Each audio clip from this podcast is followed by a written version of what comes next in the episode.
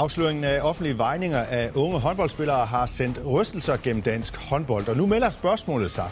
Hvorfor overhovedet veje spillerne? Vi tager debatten, hvor vi også kommer omkring det danske kvindelandshold.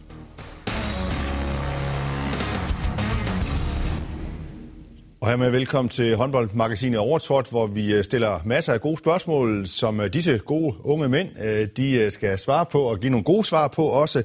Det er nemlig direktøren i Viborg HK, som hedder Jens Steffensen. Velkommen til. Tak, tak. Så er det også, hvad skal vi kalde dig? Direktør eller cheftræner Jakob Andreasen i Silkeborg Vole? Kombi. Kombi. En kombi. kombi du har begge stillinger i øjeblikket, men går lige om lidt Ja, så skal kun, jeg gå ned i tid, ligesom... ligesom kun fuld tid over på en direktørstilling. Yes. Og velkommen også til øh, direktøren for IKAST håndbold, som er Daniel Grønhøj. Vi skal jo øh, øh, snakke det her offentlige vejninger lige om et øjeblik, men lad os lige, øh, bare lige øh, få to ord, Jakob, for dig, øh, omkring det her med at, at blive direktør, og så kaste træningstøjet væk. Ja, hvordan, bliver det efter, det, hvordan bliver det efter så mange år? Jamen, jeg kan da godt mærke sådan, når man så skal en tur til Viborg, når man tænker, kan vide, om det var sidste gang, man var her? Der er der masser af ting, der bliver specielle i det, men der er også en masse ting, jeg glæder mig til. Så øhm, ja, det, øh, det, det ser jeg frem til, og, øh, men jeg kommer da helt sikkert også til at savne noget ved det, ved det gamle job. Ja, og hvorfor har du taget den beslutning? Ja, men det er en lang kombination. Altså, jeg, jeg synes ikke lige, jeg kunne se mig andre steder end Silkeborg lige nu. Og øh, der, hvor jeg kunne gøre det bedst, det var i Silkeborg Boligadministrationen, og det var der, at jeg synes, jeg kunne gøre den, den største forskel. Så, så det at være med til at få, få genrejst det og sikre os, at vi har et fundament at leve videre på, det, det synes jeg, det er en spændende udfordring. Og Jens, det er vel en markant trænerprofil, som øh, forlader kvindeligaen? Jamen det er det. Jakob har jo om nogen løftet Silkeborg Vole i mange, mange år. Og har også, øh, ja, det snakker vi om inden, været Grønlands landstræner og haft meget på sit tv. Så ja, men øh, jeg er sikker på, at det er en rigtig mand, de har fået i stolen i, i Silkeborg. Og de har også fået en ny træner, så det går nok. Nu kunne jeg ikke, nu kan jeg ikke komme til hverken IKAST eller Viborg, så måtte jeg jo... så, så må du blive direktør i din egen klub. Ja. Daniel, ved han overhovedet, hvad han går ind til, sådan et direktørjob? Ja, jeg tror, Jakob han er nok en af dem, der ved mest om, hvad det kræver. Og det er en speciel øh, verden, og jeg tror, Jakob er den helt rigtige for Silkeborg. Godt. Vi skal have ugen skulderklap, Daniel. Ja, men jeg har valgt at give det til Lacour nede i GOG. Der er jo lavet et flot comeback, og man sad og blev lidt rørt hjemme i, i sofaen, da han løb banen, og man har fulgt med på sidelinjen over, øh, eller læst, læst i medierne, hvad, hvor tæt på han egentlig var, og ja, måske endda ikke at være her mere, men sindssygt flot at først at komme tilbage til livet på en ordentlig måde, og så bagefter gøre comeback i en Champions League-kamp, det, det synes jeg var, det fortjener et skulderklap. Ja, Emil Lacour har været ude i et år, eller i mere end et år, og så gør han comeback i den her kamp mod Zagreb. Ja, det er jo vildt. Ja, det er imponerende, men øh, fedt, at han er kommet godt igennem, og det giver også et eller andet til holdet og til truppen og til hele klubben måske også, at, øh, at man kan se, at han kæmper for det, og de bakker ham op i det. Jens, skulderklap for dig? Det går til Fredericia, som jo markerer sig her i weekend ved at slå Aalborg. Det er ikke ret mange hold, der gør.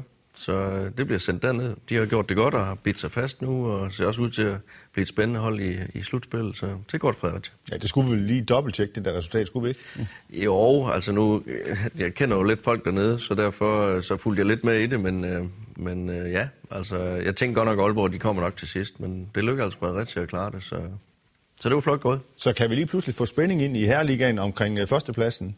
Jamen, Aalborg og GOG nu? Jeg tror stadigvæk, at Aalborg vinder de sidste kampe, men, men øh, nu er det da muligt. Altså, det er jo ikke mere en enkelt øh, point, der skal til. Jakob, vi skal fuldende øh, ugens skulderklap på Ja, men vi bliver her i ligaen, og jeg synes, øh, Skanderborg Aarhus tager point mod Skjern i en vigtig kamp. Øh, godt arbejdet, og Nick gør det jo bare godt derude, og ligger ja, for bare... en stor sejr i Skjern. Jo, ja, ja, ja. Det, øh, og det gør jo også bare, den der top i ligaen, den bliver ved med at være tæt, og, og øh, Skjern kan ikke rigtig rykke fra, og de andre de ligger og puster lidt på. Det er et stort felt, der ligger der. Så igen i år en, en tæt herliga, det er jo kun seværdigt at se på. Og det kan vi godt lide. Det kan vi godt lide. Det kan vi nemlig. Godt. Det er Jyllandsposten, som har afsløret, at spillere på øh, dansk håndbolds ungdomslandshold og talenthold offentligt blev vejet gennem flere år.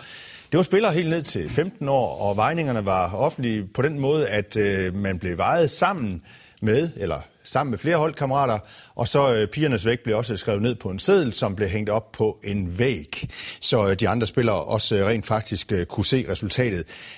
En Steffensen, jeg ved, du også selv har været i den verden der, i talentverdenen også. Hvad, hvad tænker du øh, lige om, om, om den her praksis? Altså, først og fremmest, så synes jeg jo, det, det er trist, at, det, øh, at der er en hel masse mennesker, eller en masse unge piger, drenge måske også, fordi det har også været på drengesiden, der er, der er blevet ked af det, og det har haft problem, eller skabt problemer for deres eget øh, psykiske liv. Så, så det vil jeg starte med at sige. Så synes jeg også, det er lidt ærgerligt, at altså i min, i min verden er vægt jo bare et par meter, ligesom at løbe en bip-test eller noget andet, så er jeg godt klar over, det har noget med vores kropsidentitet at gøre. Og jeg synes, det er ærgerligt, at vi er nået til et, et liv med øh, Facebook og Instagram og sociale medier, hvor det der fokus gør, at, at man kan ende med at blive syg af det. Men når, man, når det nu er et faktum, så, så skal man selvfølgelig ikke øh, monitorere folks vægt offentligt. Daniel Grønner, hvad tænker du? Jeg synes, når man er i ungdomshåndbold, der spiller alle af lyst og fritidsinteressen. Og derfor så synes jeg ikke, man skal måle folk. Altså, der er folk, der er lyst og fri vilje, så, så derfor så synes jeg ikke, det hænger, hører, hører nogen steder hjemme, når man er på ungdomsniveau. Men man har jo alligevel gjort det. Øh, så, så hvad tror du, øh, Jakob, at der har været formålet med den her måde? Jamen altså, jeg, jeg, jamen, hvis jeg selv kigger tilbage, vi har for en del år siden ikke øh, sådan brugt øh, et særligt stort øh, fokus på tester, heller ikke vægt. Og, øh, og der er også nogle ting, som sådan popper op i hovedet af mig. Det er også det med, at vi ved, at der er en stor, specielt for kvinder. Øh, kan jeg huske, da jeg tog min træneruddannelse for 20 år siden, der vidste man jo godt, at hver tiende pige har problemer med vægt i større eller mindre grad. Så man, man er jo godt udmærket klar over, at det er et problem. Men, men når man bruger det, så bruger man det jo i mange sammenhænge. Det kan være, at altså, hvis vi tager herrespillere, vil det være nemmere at diskutere, fordi der er ikke så stort. Der er nok øh, knap så mange, der får for, spiseforstyrrelser og problemer med deres kost i forhold til det. Men, men lad os tage et, et eksempel på min øh, gode ven Mathias Madsen, da han var øh, 17, 18, 19 år. Altså man vejede ham jo hele tiden og, og kæmpede jo med at få ham op i vægt. Og, og det, øh, det er jo et parameter for at hjælpe ham til at få den rigtige øh, kropsbygning, fordi han skulle måske veje 20 km hen over de næste 3-4 år. Øhm, men, men så, så det at veje er jo det samme som at lave en bip-test eller en styrketest. Og jeg tror også, at der er nogen, der, hvis vi sådan går tilbage i tiden, så kan vi også finde spillere, der har, der er blevet øh, ødelagt af at blive testet i styrketest, fordi de ikke er gode nok og ikke kunne leve op til det. Så viser Gissel, at Nå jo, man kan faktisk godt blive en god håndboldspiller, selvom man... Så det er jo hele måden på, måden vi tester spillerne på, måden vi, vi øh, prøver på at coache dem på, der har måske været, eller der har været forkert i forhold til datiden. Det tror jeg, vi har lært en hel masse af nu. Og, og nogle af de eksempler, der kommer frem, skal jo også være med, med til at rette ind til, at vi lige pludselig finder ud af, at vi skal måske gøre det på en anden måde. Så, så, øh, men, men lad mig lige tage det sidste eksempel. Det er jo også, når man tager afsted på en slutrunde, og man er i, øh, øh i Brasilien og spiller håndbold. Der har været masser af gange. Og når man så tester øh, spillernes vægt, så kan det også være lige så meget for at se, om de taber for meget væske hen over en slutrunde. Så det er jo et eller andet sted, øh, hvornår må man, og hvor må man ikke, og øh, er man tæt nok på spillerne til at vide, hvad er det, man bevæger sig ud i? Har man ekspertisen til, hvordan vi, øh, vi får spillerne til at synes, at det her det er en god idé, eller lade være, hvis der er nogen, der bliver presset af det? Men det her med, er det også det, som man forstår på, på nogle af spillerne, det her med, at det også bliver hængt op til offentlig skue, og det bliver sådan en offentlig vejning og så videre. Altså, hvad i alverden, Jens, du, du var jo selv i det der talentsystem også, hvad i alverden var formålet med det? Altså, hvorfor gjorde man det? Nej, altså det, vi bliver jo kloge. Bagklogskaben, solide klare syn, det er jo det, vi opdager her. Altså, jeg, jeg tror, der var nok en disciplinering i det. Altså, at man havde en eller anden idé om, at der er en eller anden korrelation mellem, at hvis du er så og så høj, så skal du have den der mængde muskelmasse, og du skal se sådan cirka sådan ud. Og så kan vi alle sammen blive enige om, at hvis du kan lave 10 mål af Mathias Gissel, eller, eller større for eksempel, jamen så er det jo ligegyldigt, så er det jo det, man kigger på. Mm. Men, men det var der nok en tendens til, at der var sådan en eller anden idé om, hvordan man skulle se ud for x antal år siden, øh, for at være bedst håndboldspiller. Og, og, og så var der måske en disciplinering i at sige, at der er fokus på det, når vi er samlet her i den her korte periode, tror jeg. Og, og det siger nok lidt om det også, og så kan man sige, har jeg ikke hørt ordentligt efter i de samlinger, vi har haft? Det har jeg måske ikke så, men, men det er ikke sådan, jeg har oplevet, at der var en, en dybere altså, plan med, at nu skulle du have kostvejleder, nu skulle du sådan, altså, det har der ikke været. Så det var bare en praksis, men man, man gjorde det bare, og det var uden sådan at tænke dybere over det på det tidspunkt? Ja, det, det, det vil jeg. Det er der nok nogen, der har gjort i DHF. Altså, nu er jeg talenttræner, så øh, jeg, jeg ved ikke, om vi bare på redde ordre. Det gjorde vi nok. Men vi har i hvert fald ikke set tydeligt nok, hvilken konsekvens det så har haft for nogen. En af de spillere, som har prøvet de her offentlige vejninger på øh, ungdomslandsholdet, er målvogteren Ditte Vind, som øh, tidligere har spillet i klubber som øh, NFO, Aarhus United og Holstebro. Vi har lige spurgt hende, øh, hvordan det var at blive vejet på den her måde. Jeg kunne virkelig ikke lide det, især fordi det var øh, en tid, hvor at, øh, altså, hvor jeg var usikker. Altså, øh, og når man så kommer ind under et ungdomslandshold, så vil man jo rigtig gerne gøre det, der bliver sagt, så man, man tør jo heller ikke stille spørgsmålstegn ved det. Men det gav mig en virkelig dårlig følelse, og jeg havde det dårligt med det, fordi det var jo ikke kun vejning, og det var i vejning, og så øh, synes du ikke også, du skal være opmærksom på det? Jo, jeg synes også, jeg skal være opmærksom på det. Men du sad lige og drak saftevand, gjorde du ikke det? Jo, jeg drak lige saftevand. Ja, det skal du ikke gøre. Nej, det skal jeg ikke gøre. Altså sådan, det, det, det var jo kun vejninger i mit tilfælde. Det var også, øh, altså det blev jo også brugt som et argument til sådan, nej, men du skal også være ops på det. Jo, det skal jeg også. Og man har bare ikke rigtig noget at, at stå imod på det tidspunkt, så man er bare følsom. Øh, så jeg synes, det var, jeg synes, det var forfærdeligt som 17-18-årig, ja, 17-18-årig var jeg, da jeg var inde under det. Og Daniel Grønhøj, Ditte Vind, hun fortæller også, at øh, hun er ret sikker på, at de her offentlige vejninger og et meget fokus på, på vægt øh, har fået nogen til at droppe sporten simpelthen. Altså nogle af hendes øh, øh, holdkammerater. Det tænker jeg, det må vel gøre ondt at høre det som, som håndboldleder, at, at hvis, hvis man virkelig har mistet nogle, nogle øh, store talenter på baggrund af det her. Jo, jo, selvfølgelig. Og man, når man hører på Ditte Vind, så kan man jo kan man jo godt høre det forkert, og jeg tror da også, at DOF de fortryder, at de har gjort nogle ting. Øh, blandt andet de ting, som, som hun fortæller der, men altså, der er jo sket mange ting, ting i fortiden, hvor man tænker, hvorfor gjorde man det? Og det er det jo nok bare endnu en ting, og så forhåbentlig så lærer vi alle sammen af det, og specielt DOF, som lyder det til, at det, det er der, der det store problem har været, og så får man gjort noget ved det. Man kan jo ikke lave om i det, der er sket. Det handler om, at vi får gjort nogle ting ved de ting, vi kan ændre. Og DHF har jo også været ude sådan noget offentligt også at sige, sige undskyld og, og, og beklage at de her offentlige vej, vejninger, at de ikke øh, øh finder sted længere. Sådan, men, men det står vel tilbage stadigvæk, at både spillere på klub og landshold, de bliver vejet i en, en eller anden omfang. Så Jens Steffensen, bør man bare sige, at det parameter skal man ikke bruge længere. Hvis nu vedkommende er en god håndboldspiller, så er det vel fløjtende ligegyldigt, om vedkommende vejer to eller tre kilo mere eller mindre. Altså det er, ja, det er jeg faktisk enig i at det, det, man bør nok ikke gøre det overhovedet. Men jeg har, jeg har lidt, lidt på samme måde, som Jacob tror jeg nævnte omkring det med, med, med bip-test for eksempel. Altså, hvorfor løber vi bip-test? Fordi hvis du ikke kan løbe så langt og lave 10 mål, er det så ikke fint nok? Og så kunne man også vente om, jamen så du løbe endnu længere, kunne du så lave 15. Altså, så bliver det jo den diskussion. Men her er vi med et omtåligt emne at gøre, og derfor tror jeg, det, det skal man tage i den enkelte gruppe. Altså hvis, hvis pigerne i Viborg HK, eller en, en lille gruppe af dem, er interesseret i at, at følge deres vægt, og de selv siger det, så synes jeg, at det er fint nok at gøre det. Fordi så er det et parameter ligesom andet. Men, men man skal være opmærksom på det, og det er ikke noget, man skal påtvinge nogen. Og i hvert fald ikke med de unge. Jakob, skal man veje håndboldspillere? Nej, det synes jeg ikke. Med mindre, at der er... Altså, det, i bund og grund synes jeg ikke, og det er heller ikke... Jeg kan ikke se, hvad vi sådan, i bund og grund skulle bruge øh, vægten til. Med mindre der er en eller anden, der går og arbejder med at ikke kan tage på, for eksempel, eller øh, ja, det kan jo for den sags skyld også være den anden vej. Man har brug for noget hjælp, noget understøtning til det. Øh, jeg synes heller ikke, at Ditte, hun, hun nævner det jo, øh, men hun nævner jo også en hel række ting, der følger efter det, med den kontrol og den opfølgning, der har været på det, hvor man kan sige, det er måske allermest det, der er problemet, at man offentliggør det, at man i tale sætter nogle ting, at man sætter hende i en situation, hvor hun ikke er i en dialog.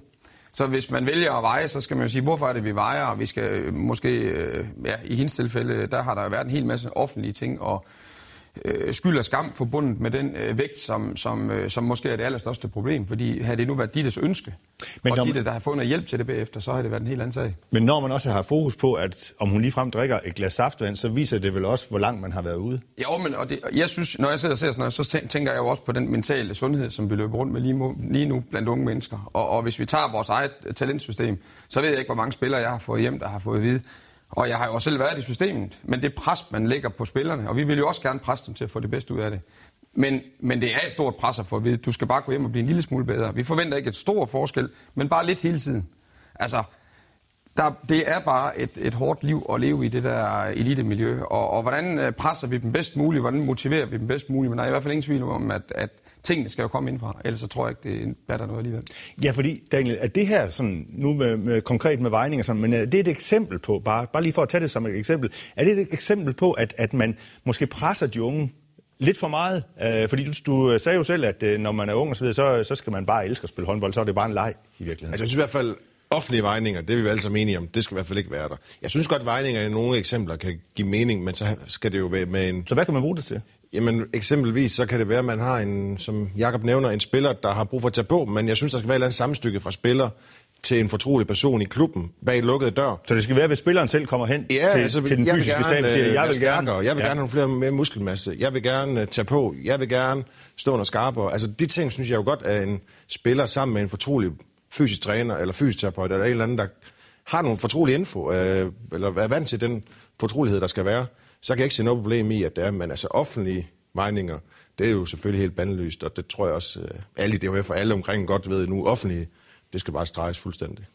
Jens Steffensen, du har selv haft en del med de her unge mennesker at gøre også sådan, øh, det her med omkring vejninger, som jeg også lige spurgte Daniel om, er det sådan et eksempel på, at man måske presser dem lidt for meget? Du har selv haft en, en, en stor håndboldturnering også for unge mennesker i Viborg. Jamen altså, det er det jo. Det kan vi jo ikke. Altså, det siger de jo selv. så, så det er vi jo nødt til at lytte til. Øh, eller nødt til. Det, det skal vi lytte til. Jeg, jeg synes, man... Øh, I hvert fald nogle af de tiltag, man laver fremadrettet, der må man jo kigge på, giver det mening, inden vi starter det? Og, og hvorfor blev, blev der overhovedet vejen? Det snakker vi jo kort om inden. Jamen, det gjorde det måske, fordi at vi hentede vi, vi i håndbold og fodbold i nogle af de idrætsgrene, hvis vi går længere tilbage, der havde vi en eller anden idé om, at nu skulle vi professionalisere det lidt mere, øh, monitorere flere ting og sådan noget. Hentede måske inspiration fra Sverige og Norge, der gjorde det på det individuelle sportsgren. Og så gik vi bare for langt. Øh, altså, når, når de blev samlet til nogle samlinger, jamen, det, det, jeg, det er, jeg, jeg må bare sige, at det er jo ikke noget, jeg har noteret mig, at det var et problem. Og jeg har heller ikke oplevet, at der er nogen, der som sådan er blevet hængt ud for noget. Men det er klart, den der, at, jamen, at de stillede op til morgenvejning, jamen det har jo været det er skidt for nogen, og det skal, det skal selvfølgelig ikke ske. Så fremadrettet, jamen, øh, så skal vi være mere bevidste om, hvad vi, hvordan, vi, øh, hvordan vi gør det med de unge mennesker. Ja, hvad synes du, vi skal lære af det her, Jakob? Jamen, jeg synes, vi skal, vi skal lære af det hele. Altså, jeg synes jo allermest, det drejer sig om, hvordan vi øh, agerer over for øh, unge spillere med stort talent. Øh, hele det mentale spektrum, hele det fysiske spektrum, der bliver vi nødt til, og det, det er, der er jo også sket en hel masse ting i forhold til det system, øh, heldigvis, inden for de sidste 10 år. Så, så det drejer sig om, at, at vi er meget mere bevidste om, hvad er det for nogle ting, vi sætter i spil, når vi, når vi kommer og siger til en spiller, at nu har vi, øh, vi skal bare se en lille, en lille forskel hele tiden. Altså, så sender man hende afsted to måneder, øh, eller øh, vejninger, eller... Så det, det, er jo, det, er jo, det er jo mange ting, vi sætter op i hovedet på sådan nogle spillere. Så alt drejer sig om, at vi får dem motiveret og hjulpet dem til at blive den bedst mulige håndboldspiller, men ikke får dem presset derud, hvor det begynder at, og kan give problemer, som vi siger. Ja, for man må, ja, du får lige ordet, ja. men man må vel aldrig presse dem, Jacob, derud, hvor, hvor de så hvor, hvor man så mister nogle talenter. Nej, og det er derfor, at jeg har det sådan lidt, at, at øh, vi arbejder i hvert fald, vi snakker meget om hjemme ved os, at øh, jamen, vi kan jo godt teste, men hvad hjælper det, hvis spillerne kun gør det, vi siger? De skal jo selv finde den indre motivation. Hvis de ikke har det drive, der skal til, jamen så hjælper det ikke noget. Så hvis vi nu venter går et skridt tilbage, så kan det være, at de finder ud af, at jeg har faktisk brug for noget hjælp, og så kommer de selv og spørger. Og så kan vi begynde at sætte apparatet i spil. Hvad er det, du har brug for? Hvad kan vi hjælpe dig med? Men, men når man er 16 år, er det jo ikke sikkert, at man ved alting. Og så er man jo som øh, forbund og som træner jo interesseret i at hjælpe. Jeg tror ikke på, at der er nogen, der har gjort noget af det her i en dårlig mening. Jeg tror, det har været et spørgsmål om udvikling, også i forhold til at flytte rammer. Men det altså, har bare haft en dårlig effekt på nogen. Der, vi, når vi kigger tilbage, så er der jo gjort nogle ting, som, som man kan sige, det der, det var, Daniel han har nævnt det mange gange nu, altså, det var, det var for meget, og det var ikke godt nok. Det skal vi selvfølgelig have, og det er også, tror jeg, effektueret. Ja, det var virkelig det, jeg vil sige. Det, det er trods alt 4-5 år siden, at man afskaffede det. Så. Men det er, det, derfor er det vigtigt at snakke om den tid alligevel og lære af det. Ja, fordi der er nogen, der har det dårligt med det. Ja. Ja. Lad os bare lige give uh, Ditte Vind uh, sidste ord i den her omgang. Uh, vi har også uh, spurgt hende, skal man overhovedet veje håndboldspillere? Jeg synes ikke, man skal veje øh, håndboldspillere, der er 16, 15, 16, 17, 18, 19. Jeg tror, det, hvis det skal være et værktøj, du skal bruge, så skal det være et voksen menneske, du, du, du, øh, du taler med, eller du skal veje. Øh, så det kan være i 20'erne på et tidspunkt, men ikke når de, når de, når de er så unge. Øh, fordi du skal forstå, at det kan være et værktøj, og jeg synes også, det skal være frivilligt. Øhm, fordi jeg synes også, det kan bruges på nogle måder, hvis man er et varmt sted, hvor at, øh, det er vigtigt, at man får væske nok, så kan jeg godt forstå, at det er et værktøj, men det forstår man ikke, når man er 16-17 år gammel. Øh, der ser man et tal, og øh, det tal bliver sammenlignet med alle andre tal, der også står, øh, og det bliver bare en rigtig negativ ting. Øh, så jeg synes, det skal være først være, når man har at gøre med en voksen håndboldspiller. Ja, hvad siger du til det, Daniel? Det skal først være, når man har med en voksen håndboldspiller at gøre. Øh, det synes jeg giver, det, det vi ligesom, jeg snakket om, at det, under senioralderen, der skal man i hvert fald ikke gøre det, og så synes jeg også, som hun siger, der skal være en eller anden form for samstykke, at man skal altid som spiller kunne sige, prøv at det har jeg ikke lyst til, det er ikke noget for mig. Så tror jeg også på, at nu om dagen, der vil klubben også sige, men det er fair nok, men jeg tror også, der er mange spillere, der vil se det som en hjælp til at blive en bedre håndboldspiller, som voksen spiller, og dermed kan indgå et fortroligt samarbejde med en person om det. Og bottom line er vel, at sådan lærerne i det her, det er vel, at det vigtigste er vel, hvis, hvis spilleren bare er en rigtig dygtig håndboldspiller, så er det vel det, der, der tæller. Det er vel kvaliteterne, der må tælle. Det mest afgørende er, som, som Jens jeg sagde, så kan man lave nok mål, eller, så, så er det det afgørende. Om man så er Gissel eller en anden spiller, så, så lever vi nok også med, med det.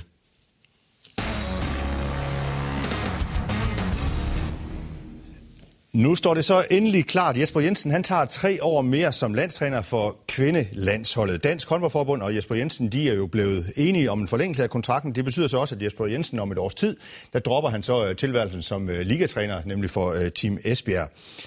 Hvad synes I om den model, Jens Steffensen? Jeg er ret sikker på, at du synes, det er en god model, for jeg tror, at du har sagt det her i programmet tidligere, at vi skal have en fuldtidslandstræner. Altså, jeg synes, det var en helt rigtig model. Altså, jeg, jeg klappede i mine hænder. Jeg synes, det var rigtigt. Jesper Jensen er en dygtig træner. Det sagde jeg sidst. Ham kunne vi godt have som landstræner. Jeg synes ikke, han skulle dobbelt op, for jeg synes, han skal varetage... Altså, det er så stort et job, så der skal vi have en alene til det. Og han skal mere ud i klubberne og vise og have idéer om fremtiden. Og det har han ikke kun 100 procent, når han også skulle passe sit, øh, sit store job i Esbjerg. Så jeg synes, det er perfekt. Klapper du også i hænderne, Daniel? Ja, helt vildt. Altså, nu de sidste tre år, jeg har været med i IKAST, altså jeg har jo haft, jeg tror, at Tori har været nede og besøge os en 3-4 gange, hvor man Kasper og jeg er Den norske landstræner. norske landstræner, haft nogle lange møder med ham og snakket om alt muligt, og han har også kommet med gode input til os, og vi har sat vores tanker på nogle af de norske spillere, hvor altså jeg, jeg har jo haft nul møder sammen med Kasper med den danske landstræner. Så det glæder mig til, at Jesper kommer ud, og vi gør nogle møder, og han kan komme ud og give noget sparring omkring vores spillere. Så han er i bund og grund har for travlt. Øh, jeg tror, han har, det har ikke været en del af hans jobbeskrivelse, så jeg tror egentlig ikke, han ikke har nået det, fordi han, det har bare ikke været, der har ikke været nogen person, der har haft et job i dansk håndbold. Og nu frem til 2026 øh, har han skrevet under på en kontrakt, øh, Jakob. Det sikrer vel også en vis form for kontinuitet øh, på kvindesiden? Ja, altså jeg synes, det er fantastisk for vores øh, kvinder, og jeg synes også, jeg tror også pigerne på landshold, de glæder sig til at få endnu mere øh, af Jesper. Så, øh, så det, jeg er også øh, glad for det, og tror også, at øh, det her det kommer til at give et ekstra, øh, et ekstra øh, skridt til, til hele vores organisation omkring DHF. Og det synes jeg i bund og grund også, det er tiltrængt. Synes du også, at det er godt, hvis man ser en landstræner lidt mere ude i klubberne? Jamen, jeg vil sige, jeg har ikke øh, haft møder med den, øh, med den norske landsholdstræner, men jeg har til gengæld haft møder med den danske, så, så det er jo sådan omvendt af Daniel. Altså, vi, vi har haft et, et fremragende forhold til begge landstrænerne, og jeg føler os øh, i den grad øh, til godset og, og været i dialog. Så vi, vi mangler ikke noget på den del, men, men jeg vil bare sige, jo mere vi kan få af Jesper i, i de andre klubber, øh, jo bedre er det. Og lige nu der får Esbjerg jo rigtig meget, og øh, tillykke med det, øh, fordi de har en dygtig mand. Men vi vil også øh, bare gerne have endnu mere af ham rundt i Danmark, så det tror jeg, det bliver godt. Så en rigtig god løsning er I alle sammen øh, enige om, men Ben Nygaard har i en klum på TV2.dk, vores gode ven Ben Nygaard, der har han skrevet, at øh, der er et minus, øh, nemlig at man ikke længere har en landstræner, som har hands-on med tingene i det daglige, altså i en klub, øh, Jens Steffensen. Forstår du det, at, øh, at det måske, at Ben Nygaard siger, at det måske også godt kan være vigtigt, at landstræneren han er i aktion i det daglige, og ikke bare i nogle enkelte udvalgte perioder, og så til en slutrunde? Altså, nu er det ikke ret tit, at jeg er enig med Ben Nygaard. Ah, det passer ikke. det er nogle gange ikke enig med Ben Nygaard. Jeg er heller ikke enig med Peter Brun, der har sagt det samme. Jeg er med på det der med, at det selvfølgelig kan være fra et slutrunde til en anden slutrunde. Så kan han være lidt med ungdomslandshold, og han kan være andre steder. Og der er udmærket, at han kommer ud og ser kampene. Altså Nikolaj Jacobsen er der en udmærket landstræner, selvom han ikke har andet et job. Og det har de fleste landstrænere jo ikke. Så jeg synes, at det, det, det, det kan han sagtens kompensere for. Og ellers, hvis han vil, jamen, så kan han jo komme ud og hjælpe lidt nogle forskellige hold rundt omkring og være der nogle, noget tid. Det har jeg heller ikke noget imod. Hvis det er det, han mangler, at tage nogle træningschancer øh, i nogle af klubberne. Ingen problem. Så jeg, jeg, jeg, jeg kan ikke se problemet. Men er det optimale så, øh, Daniel, at man måske i DHF begynder at skele lidt til den model, man har på det danske herrelandshold? Altså, Nikolaj Jacobsen er også fuldtids øh, landstræner, men der har man en assistenttræner, Henrik Kronborg, som har et dagligt job som cheftræner i Skjern. Så, så, så bør man på kvindelandsholdet måske have en assistenttræner, der har et øh, fuldtidsjob eller et dagligt job i en, i en klub? Ja, det, det tror jeg ikke er så afgørende. Altså, jeg tror, Nikolaj Jacobsen og det danske herrelandshold, altså, jeg tror ikke nødvendigvis, det var derfor, at det, det gik så godt, at Kronborg var i skærm til daglig. Som Jens siger, altså Jesper, kan, ligesom øh, Johansson fra, fra Holland, er assistenttræner på ungdomslandsholdet til nogle hvis han mangler aktioner, øh, han kan komme ud og træne. Viborg, Silkeborg, Ikas kan han også komme med omkring, tror jeg. Så hvis han mangler noget tid på gulvet, så tror jeg ikke, det bliver noget problem for ham. Så hvis Lars Jørgensen er rigtig assistenttræner, og han ikke er en klub, så, så er det bare ham, der skal være. Altså, det, det er ikke så afgørende, tror jeg, om han er i en klub eller ej, assistenttræneren. Hvad siger træneren, der snart overgår til direktørrollen?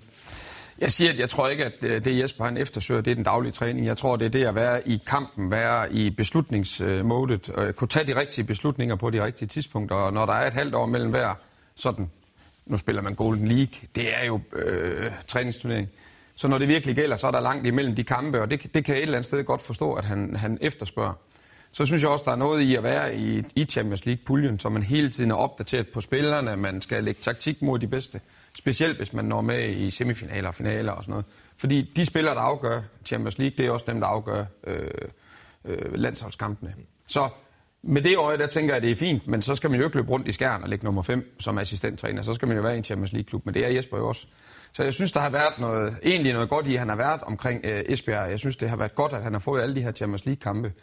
Øh, været tæt på toppen af, af de internationale kampe og spillere, fordi nu kender han dem øh, 100%. Og det kan han tage med sig på landsholdet.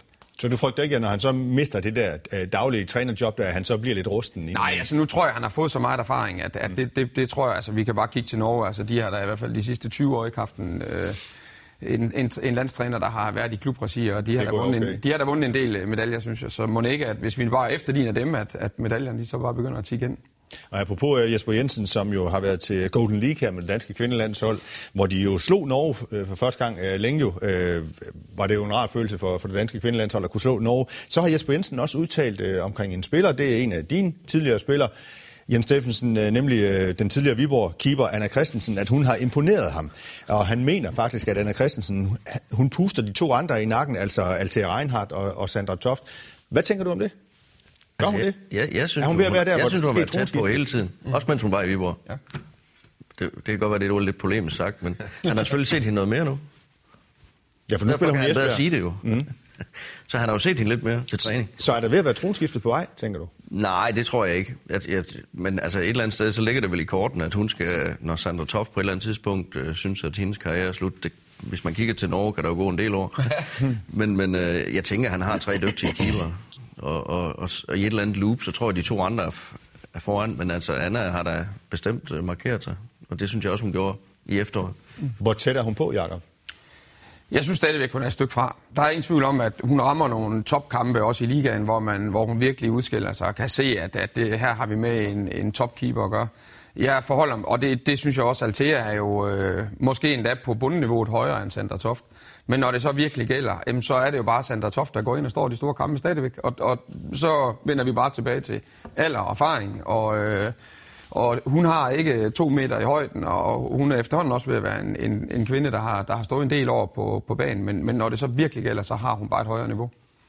Og øh, der har Anna jo lige en, der er hun jo kun 22, så der er lige 10 år endnu, før hun er der. Så jeg synes jo bare, at vi er i den øh, ønskelige situation, at vi har øh, et stærkt, øh, en, en stærk trive, som øh, kan heldigvis i en del år endnu, kan supplere og, øh, og gøre, at vi øh, uden en god keeper, så er det svært at se medaljerne, de falder ned. Men det har vi heldigvis. Hvordan vurderer du hendes chancer, Anna Christensens chancer for at presse sig ind foran Sandra Toft og Altea Reinhardt? Jamen, jeg synes jo, det, det er ligesom med herrene. Altså, der er jo en, der er der bare to-tre keeper, der havde fortjent at spille alle slutrunder, og på næsten alle andre landshold havde de været blandt de to bedste, og det samme med Anna. Altså, jeg synes, hun er mere end god nok til at spille slutrunder og være med, men Sandra har bare noget rutine og steppe op på de store kampe, og øh, kender så mange skytter så godt, og er så ekstremt godt forberedt, og Altea har bare vist et topniveau, der er helt afstanding. Så det er jo egentlig Annas eneste ulempe, synes jeg, det er, at der er to andre, der er så gode, som de er. Fordi hun er god nok, og hun også fortjent at spille, men der er bare to, ligesom på herrene, der lige er en my bedre end... Så, hende, så hendes tid skal nok komme? Ja, ja, uden tvivl. Altså, det er jo nok Sandra den første af de to, der stopper, og når hun så stopper, så tror jeg, at Anna har, så har hun også 10 år på landsholdet, så det skal nok komme. Men jeg kan godt forestille mig, det er træls at stå og trippe. Ja, hun er jo kun 22 år, og målmænd bliver jo dybest set nogle gange ved rigtig, rigtig længe, og, og bliver bedre med alderen, Jens. Ja, det gør de i hvert fald i Norge. Ja. Så, øh, Ansala, hun stod jo til, hun var Ja, det gjorde hun også, 42. ja. Så hendes tid kommer Ja, det tror jeg. på landsholdet. Ja, ingen tvivl. Godt. Vores tid, den er gået. Tusind tak for øh, jeres øh, mange ord.